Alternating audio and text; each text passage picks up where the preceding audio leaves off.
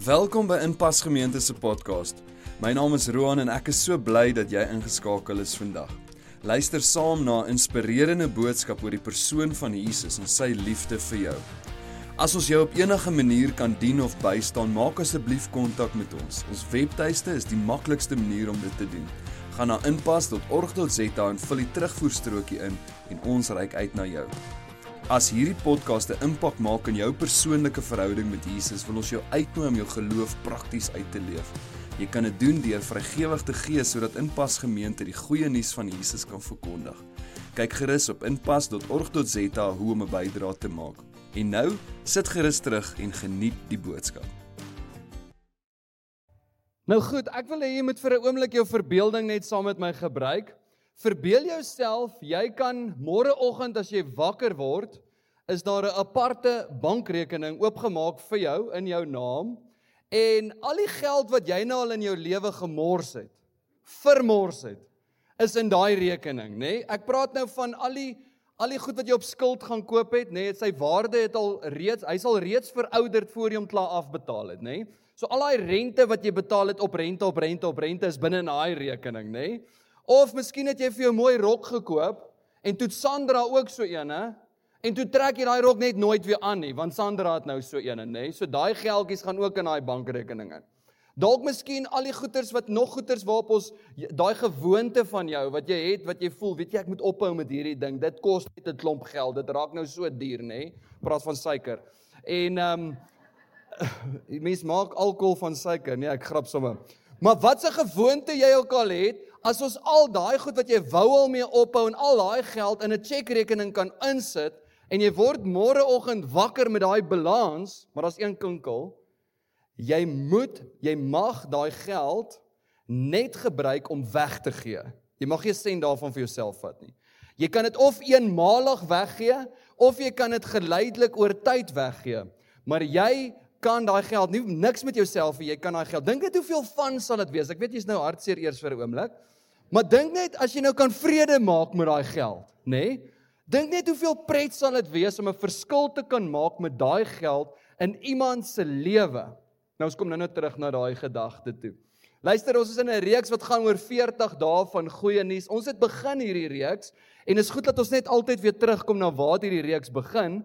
En dit is dat ek en jy nooit iets kan doen om God deur God aanvaar te word nie. Ons kan nooit iets doen nie. Sy aanvaarding is as gevolg van Jesus se werk. En dit was week 1. En die uitnodiging in week 2 na nie 'n uitnodiging na meer wette nie, maar Jesus het ons kom uitnooi na 'n verhouding met hom, nê? Ons is die lote en hy is die wingerdstok. Die wat in my is en Paul het laasweek daar gesels, sal baie vrug dra. En nou is ons op die punt waar ons sê, "Oké, okay, goed. Die goeie nuus het my lewe geraak." Ek het 'n waardering en 'n dankbaarheid vir die goeie nuus, maar die goeie nuus, jy kan nie net stop daar nie. Um ons het nou-nou hierdie liedjie gesing wat sê meer as net gered is wat U vir my het. Meer as om gered te word. Meer as net om aanvaar te word, wil die Here 'n verdere pad met jou stap. En dit kos baie keer iets.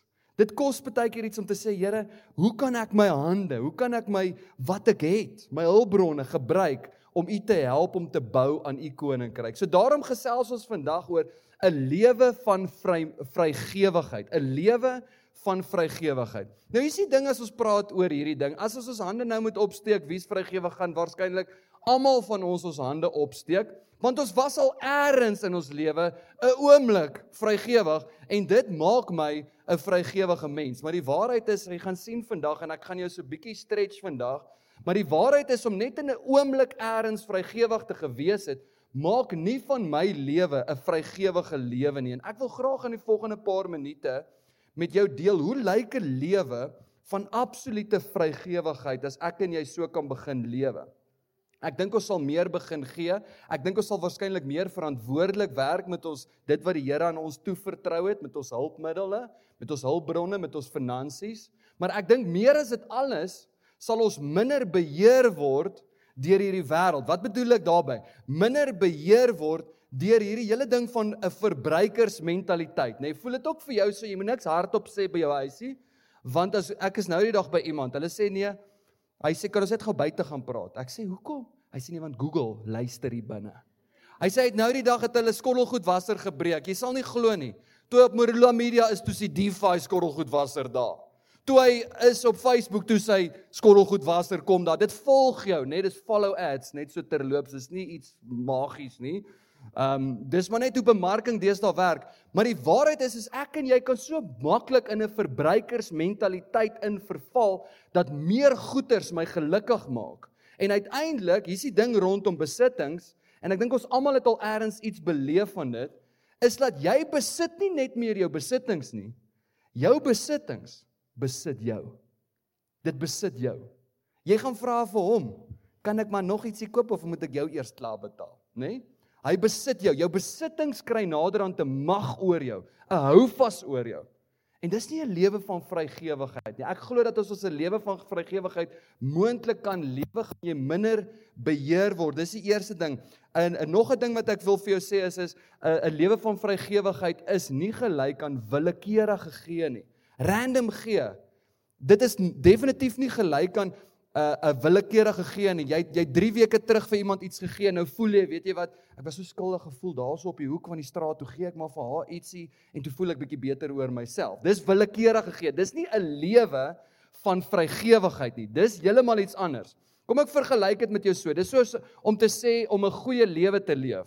Die meeste van ons sal saamstem, nee ons lewe relatiewe goeie lewens, nê, nee, en ek gaan baie hard moet probeer om vir jou te oortuig dat jy nie 'n goeie lewe leef nie want jy sal maar net terugvat so week of twee terug toe jy iets goeds gedoen het vir iemand. Sê maar ek lewe goed want ek het 2 weke terug iets goeds gedoen. Kom ek gee vir jou 'n um, meer 'n praktiese voorbeeld. So my vrou sal vir my sê, "Sal jy net asseblief vir 'n slag 'n bietjie die skottelgoedwasser uitpak? Ons het dit nie gebreek nie." Hoor jy Google? Ehm, um, as sê ek nee my liefetjie, maar ek ek pakkie van skottelgoedwasser uit. Ek het 2 weke terug het ek dit ingepak, die knoppie gedruk en dit amper alles uitgepak, maar ek het begin om dit uit te pak. Maar 2 weke terug, hoor jy daai willekeurige help maak nie van my 'n deurlopende persoon by die huis wat help nie. Om 2 weke terug, 3 weke terug iets te gedoen het vir 'n enkele keer vir 'n oomblik om in die oomblik vrygewig te wees, maak nie van my 'n vrygewige lewe nie. Die Here het meer vir my en jou om te sê om net willekeurig uit skuldgevoel uit te gee of om te gee want ek voel ek moes nou al en ek het nie en dan voel jy so dan dan, dan doen jy willekeurige gee. Willekeurige gee is heeltemal iets anders as 'n lewe van vrygewigheid.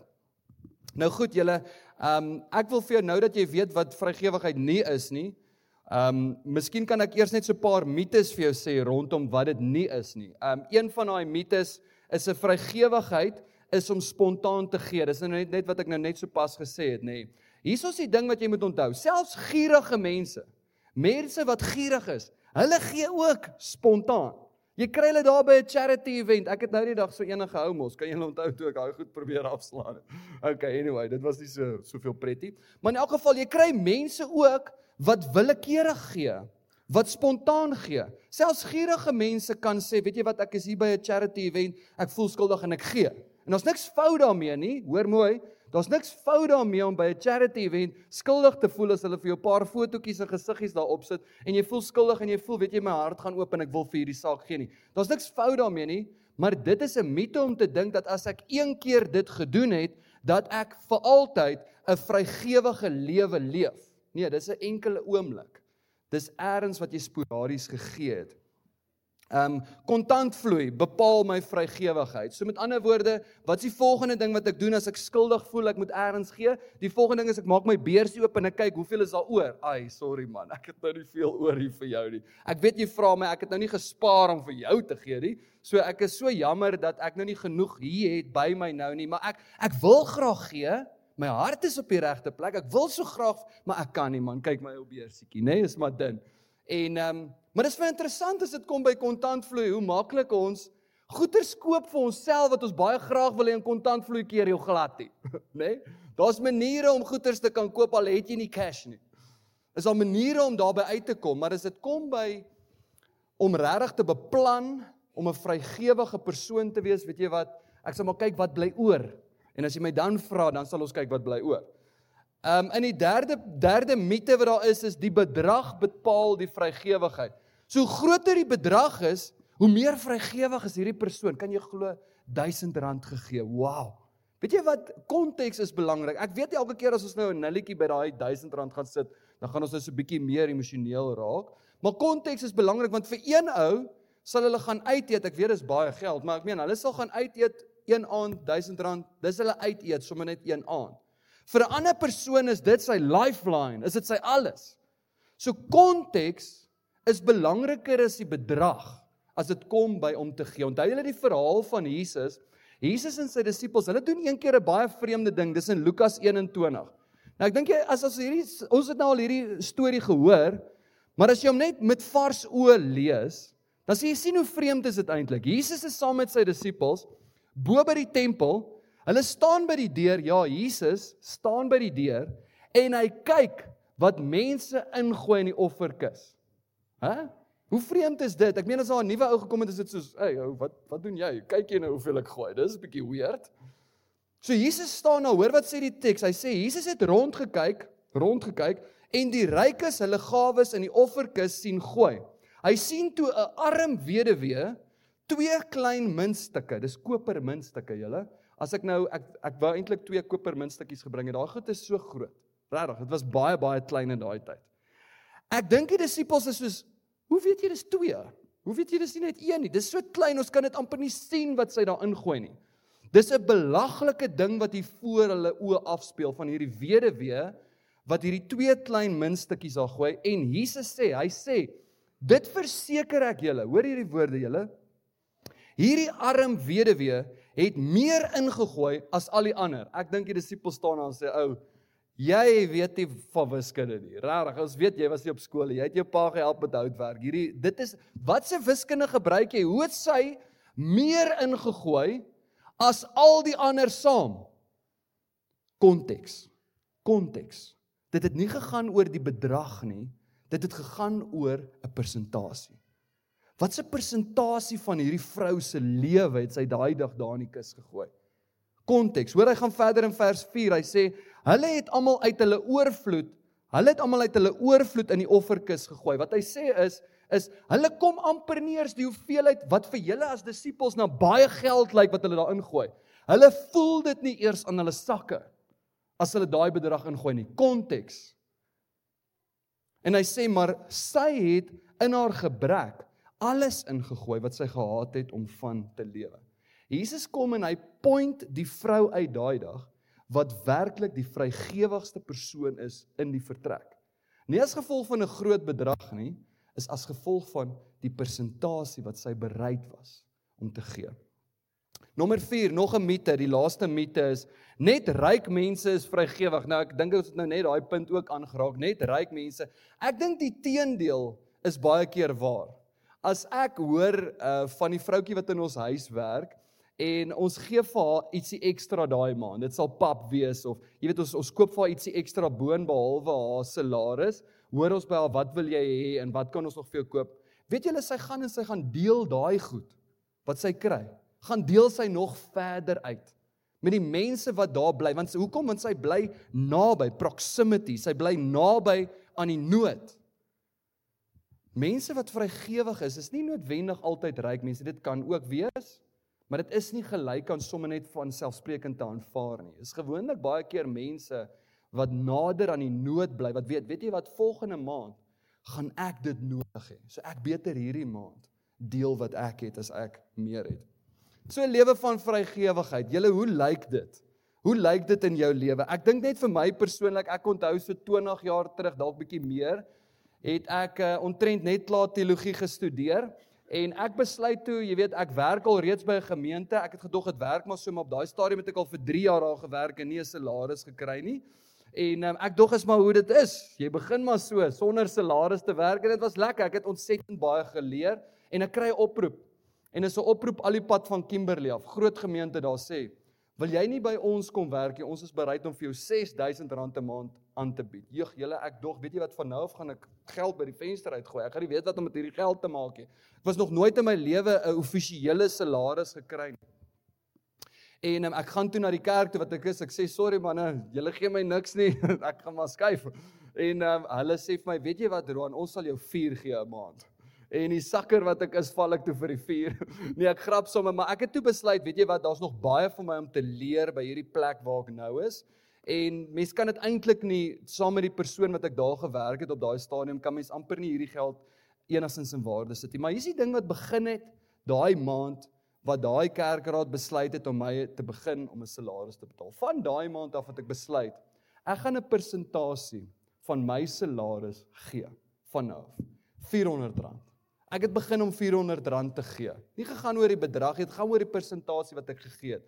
En ek het gesê ek voel die Here roep my vir hierdie saak. My lewe het radikaal verander net so 5, 6 jaar voor dit wat gemaak het dat ek moet gaan sê ek wil iets doen vir die Here. Ek wil bou in sy koninkryk. Ek wil werk vir hom. En om te sien hoe my ou pa randjies amper soos daai weduwee dalk uh, heel wat meer Maar soos die weduwee gesê het, weet jy wat, hier's my pa, maar dit kan dalk 'n verskil maak in hierdie koninkryk wat ons besig is om te bou. En onmiddellik het sekere goeders, ek noem dit 'n kernwaarde, in my lewe begin in plek val. Wat is 'n kernwaarde?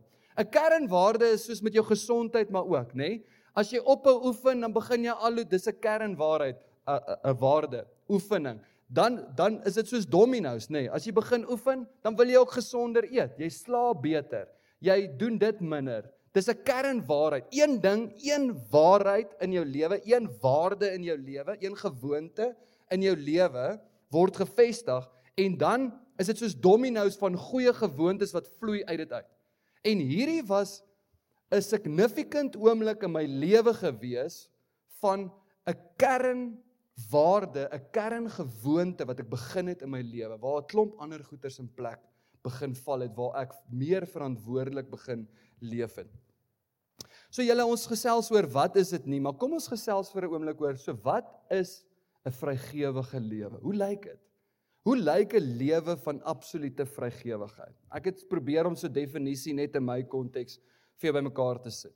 Ek sê dis die vooraf beplanning, berekening en allokering van my finansiële bates. Die vooraf beplanning. Wat beteken dit? Ek het 'n plan. Ek en jy kan nooit 'n lewe leef van vrygewigheid as ek nie 'n plan het nie. Ons kan nie net ek ek noem dit die 3 S'e gewer, nê. Nee. Hy gee, hoe gee hy? Hy gee sporadies, hy gee as spontaan, sporadies en spaarsamig. Dis nie 'n lewe van vrygewigheid. Ons het nou gesê wat is spontaan, maar wat is dit om sporadies te gee? Hier en daar as daar nog so ietsie oor is, daar's geen plan nie, spaarsamigheid. Weet jy wat ek en jy kan nie glo en verstaan wat die kapasiteit is wat die Here binne in ons lewens ingesit het om in te bou in iets groter as net vir myself nie. Die Here nooi ons na iets groters toe. Um so hoe lyk dit vir my en jou om te sê, weet jy wat, ek het 'n plan nodig. Ek hou van wat Ron Blue sê, hy het 'n broek ges, uh, broek geskryf. Hy het 'n broek ook aan, maar hy het 'n boek geskryf Mastering your money en hoor wat sê hy hy's hy's 'n ou wat 'n ou help in die koninkryk van die Here om my te orienteer so 'n bietjie oor hoe moet ek met my finansies werk as dit kom by hoe die Here wil hê ek moet daarmee werk. Maar hoor hoe skryf hy? Hy sê daar's eintlik net 5 goed wat ek en jy kan doen met geld. Hy sê en dis hoe ons maar tipies lewe of ons geneigtheid is hoe ons met ons geld werk. Hy sê in die eerste plek ons spandeer dit. Tweede plek is ons betaal ons skuld af want ons moet betaal belasting want ons wil nie maar ons moet weer en dan spaar ons dit in die vierde plek. Daai is die rangorde van hoe ons dit doen en in die laaste plek gee ons dit. En dan hou ek van wat hy sê. Hy sê, so kom ons kyk op wat of wie spandeer jy dit. Hy sê in die eerste plek spandeer dit. Hy sê ek eerste skuldeisers tweede wat eintlik ook maar ek is, nê? Dit is ek. Ek meen ek gaan koop goed op skuld vir my. So ek eerste, ek tweede, die regering derde, ek vierde en ander laaste. So vind ek myself toe ek daai die eerste keer gelees het, het ek besef, weet jy wat? Ek ek doen hierdie ding verkeerd om. Ek is definitief besig om hierdie ding verkeerd om te doen want die oomblik as die Here my kom roep om hom te begin volg, kan dit nie net wees van ouma ek bid nou en ek glo nou dat God bestaan. Nee, eers kom die Here en hy begin werk in my lewe. Laat dit nie net 'n Sondag ding is nie, maar laat dit 'n Maandag ding is, 'n Dinsdag ding is. 'n elke dag tipe van lewe is. En nou kan ek nie meer lewe met ander mense laaste nie. Dit is nou ander mense, dit moet omdraai. Dis hoekom toe Jesus gekom het, hy het seker meer oor finansies gepraat as oor enigiets anders. Hoekom? Want hy het geweet dat vir ons om regtig ons lewe om te keer, is dit die middelpunt van ons lewe. Dis waar ons lewe gaan. Dis die lysie wat moet omdraai in ons lewens. As ek en jy sê ek kom tot bekering, dan is dit hierdie lysie wat moet omdraai. Ek kan nie nou meer lewe en sê ander mense laaste. Ja, ek bid vir hulle, Here, en ek glo dat U bestaan en ek doen al die godsdienstige goeders. Maar as dit kom by waar die tekkie die teer teer uh tref, dan doen ek dit verkeerd om. Um ek dink baie keer oor skynheiligheid, nê? Nee? En nie een van ons wat hier sit is skynheilig of wil skynheilig wees nie. Inteendeel, elkeen van ons wat hier sit, ons verafskies skynheiligheid, reg? Ons ons hou nie van skynheiligheid nie. Hou nie van daai skoonsussie van jou nie want sy skynheilig, nê? Nee? Of wat ook al, nê? Nee? Maar ons hou nie van skynheilige mense nie. Maar kom ek verduidelik net gou vir jou wat is skynheiligheid? En skynheiligheid kom voor in elkeen van ons. Moenie so vinnig wees om ander mense te kritiseer vir skynheiligheid nie, want skynheiligheid groei binne in elkeen van ons. Dis 'n geneigtheid en dit is nie net 'n Christelike ding nie. Dis nie net 'n selfs ateëste kan skynheilig wees, nê? Wat is skynheiligheid? Skynheiligheid is om een oggend wakker te word terwyl my hele lewe eintlik maar ek was die koninkryk van my lewe. Ek is in beheer van my lewe, maar waar my lewe 'n hobbel slaan, waar daar 'n probleem inkom of ek slaan 'n finansiële probleem, wat gebeur het al in my lewe en waarskynlik dalk weer kan gebeur in my lewe, dan is ek vinnig op my knie en sê Here, nou moet U kom help. Help my om hierdie huis te verkoop, Here. Hierdie huis moet nou verkoop. Ek moet nou 'n deurbraak kry in hierdie ding. Ek dink die Here is baie keer dan soos o, uh uh, uh jy's Roan, nee, ekskuus. Ek ons het so lank lank gesels man. O, o Roan, okay, die goed. O, ek hoor wat jy sê. Welkom. Dis so lekker om weer met jou vir 'n slag te praat, maar Here, nou moet U help, nê? Nee, ek ken U persoonlik, is die middelpunt van my lewe. Nou moet U vir my 'n deurbraak bring in my lewe. Nou hier waar ek nou is. Dis 'n mate van skynheiligheid. Is om te lewe jou lewe soos wat jy wil, die koning van jou lewe. En dan op die oomblik wanneer jy 'n probleem het, dan sê jy Here, maar U is nou die middelpunt. U is die Here van my lewe. U is die koning van my lewe. Die Here wil nie net 'n helpertjie wees in ons lewens nie. Party mense praat van die ambulans of die een wat as daar nood is. Die Here wil nie net daai rol speel in ons lewens nie. Hy wil die koning wees van ons lewens. Hy wil die middelpunt wees van ons lewens. Hy wil nie net opdaag in die oomblik wanneer jy 'n probleem het nie. Hy wil deurlopend in jou lewe. Wil hy 'n konstante wees in my en jou lewe. Julle daar's niks fout daarmee om in jou noodkreet uit te roep na die Here nie. Moenie me hoor vandag ek sê dis skyn heilig jy mag dit nie doen nie. Baie van ons wat hier sit, gaan 'n storie kan vertel van ek het my ek was die koning van my eie lewe gewees. Ek het gedoen en gemaak net met my lewe net wat ek wil totdat ek 'n probleem gehad het en dis waar my lewe verander het. Toe ek uitgeroep het na die Here gesê het, Here, ek kan nie nou meer nie. Ek besef nou hierdie lysie wat ek het, hy moet omdraai. Ek besef hierdie koninkryk wat ek bou, en wat ek altyd wil hê u moet help bou aan my koninkryk, ek besef nou hy moet omdraai. Hy moet omdraai. En dit is baie keer op daai laagste van die laagste punt waar jou fondasie so geskit word dat jy besef hierdie ding moet verander. Hy kan nie meer dieselfde bly nie. In die eerste plek, ek en jy moet 'n plan hê. Ons kan nie net sommer net sporadies spontaan of spaarsamig gee nie. Die Here wil hê ons moet 'n plan hê in ons lewens en dan om vrygewige lewe te leef, moet dit 'n berekende een wees. Dit moet 'n berekening uh, uh, een wees. Jy kan nie net sê, weet jy wat, ek wag totdat iemand my kom vra vir iets of ek kyk wat is oor aan die einde en dan sal ek dalk iets gee nie. Nee, dis 'n berekende ding. Mense wat vrygewig lewe, bepaal, beplan vooraf. Ek gaan hierdie persentasie of hierdie bedrag en ek voel julle het nou-nou gehoor in my lewe net voel ek persentasie is beter want ek gee nie nou nog steeds net R400 nie. Dit het dan so klein bietjie meer geword. Maar 'n persentasie is goed want elke keer as daar iets inkom vir my, wanneer die Here my seën met iets, is daar 'n gedeelte, 'n bereken, 'n vooraf geberekende bedrag wat nie myne is nie. Nou verstaan ek jy sit hier vanoggend en jy dink, "Eeron, nog nooit hierdie ding gedoen nie. Dit gaan verskriklik wees om dit te begin doen. Ek ek het begrip daarmee. Ek verstaan dit. En dit is waarskynlik makliker vir my want ek het so in so huis groot geword waar my ouers my so geleer het en wat dit vir my maklik was die eerste paycheck gewees wat vir my maklik was om dit te bereken vooraf en te sê dis waantoe dit gaan klaar. Dis nie myne nie. Ek vat nie aan dit nie.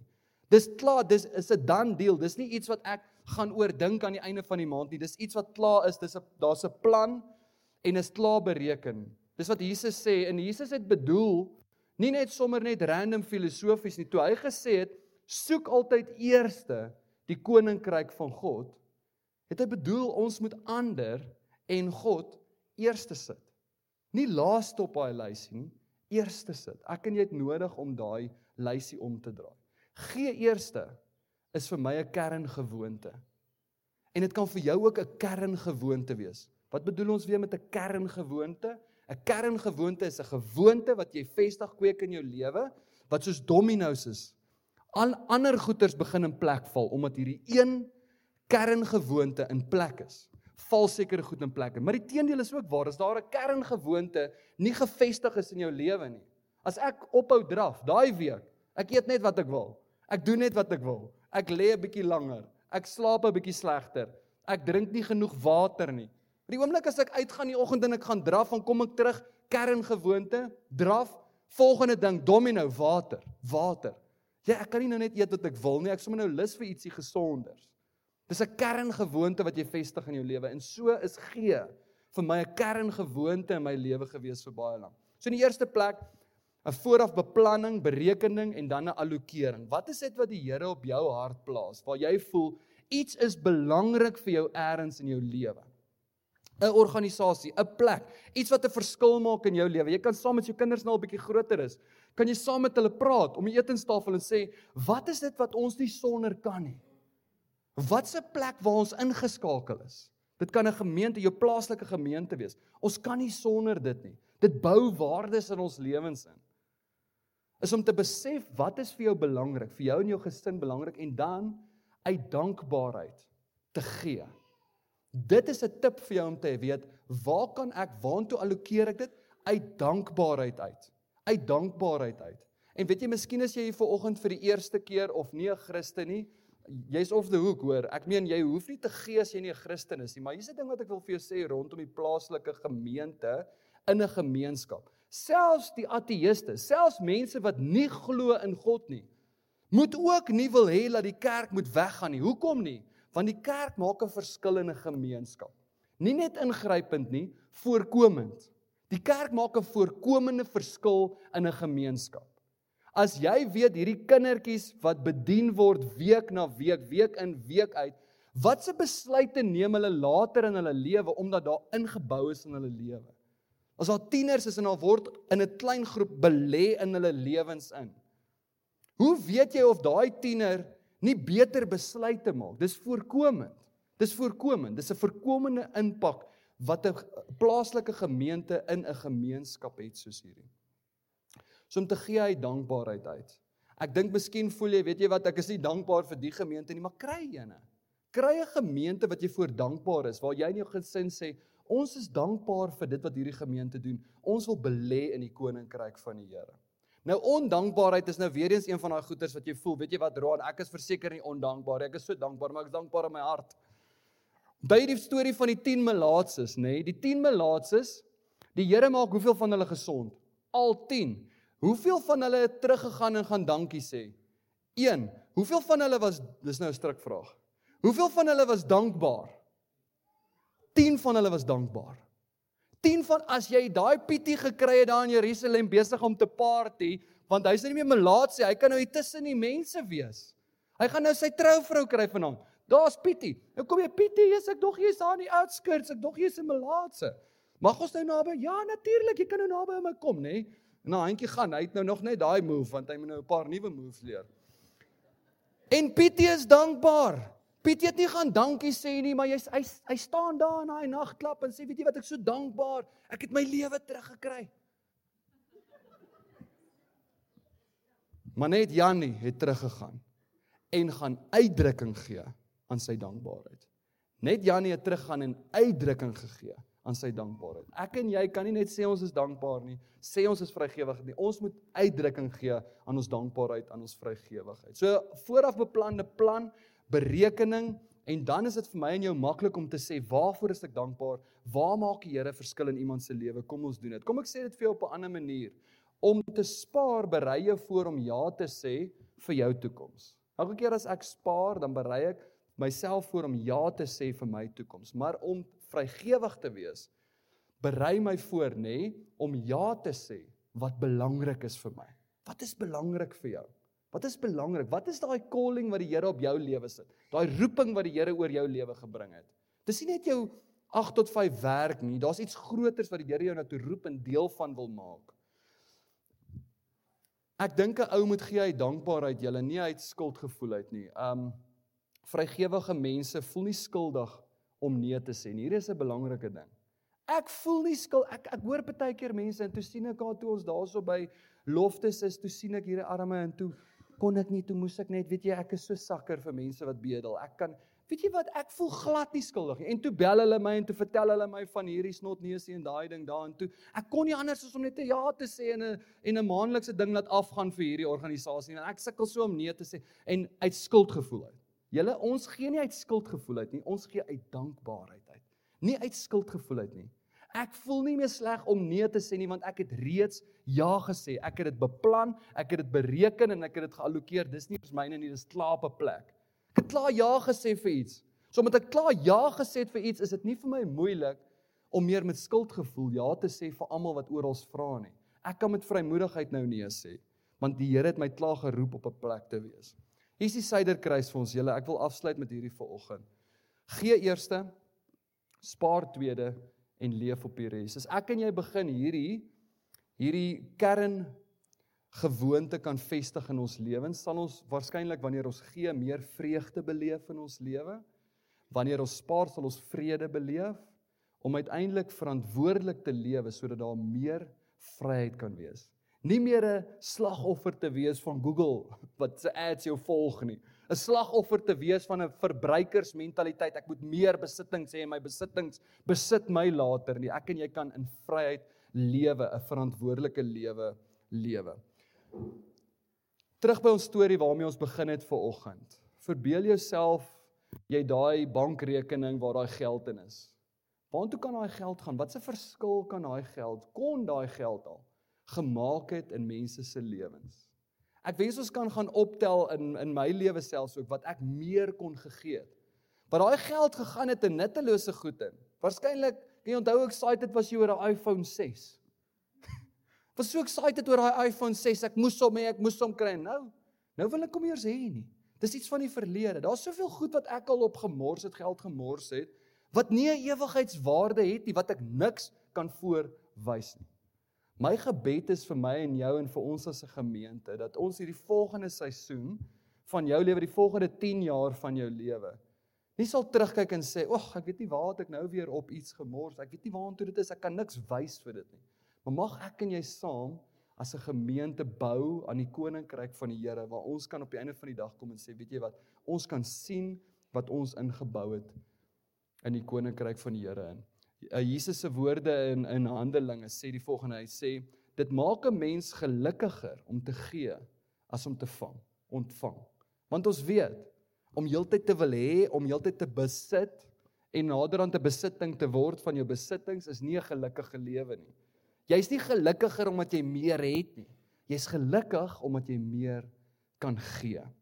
So net so 'n laaste dingetjie dalk net vir duidelikheid. In pas is nie 'n gemeente wat glo soos Prosperity Kerk as jy meer gee, gaan jy meer ontvang nie. Ons is nie piramideskema nie, nê.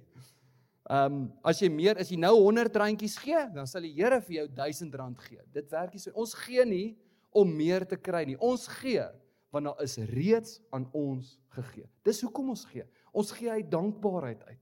Ons gee nie omdat ons meer wil hê nie. Dis net nog meer gierig, nê? Ons gee want ons gee uit dankbare harte uit. Dankbaar vir dit waar die Here jou geplant het, dankbaar vir dit wat die Here aan ons toevertrou het en wat ons saam as 'n gemeente en 'n gemeenskap kan doen. Julle kom ek bid vir ons vir oggend as ons dink net aan aan net 'n een eenvoudige teksgedeelte wat sê dat so lief het God die wêreld gehad dat hy sy seun vir ons gegee het. God het niks kom vra van ons nie. Hy het heel eerste gegee. En hy wil ons uitnooi na 'n lewe toe van absolute vrygewigheid.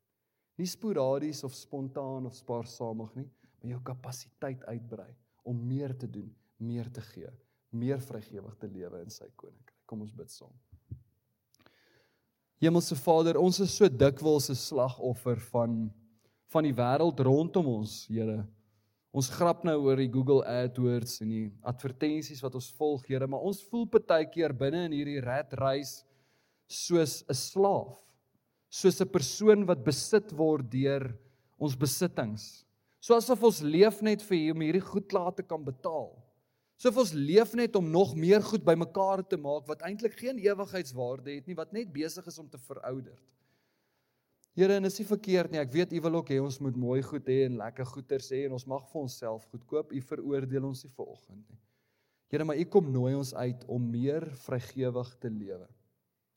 Nie net in die ingewing van die oomblik nie, maar om dit te beplan, te bereken en 'n plek te kry wat ons hart vinniger laat klop uit dankbaarheid uit. Om te gee, te belê en te investeer in dit wat U besig is om te doen. Here, ek wil kom bid vir elkeen van ons wat hier is vandag, Here.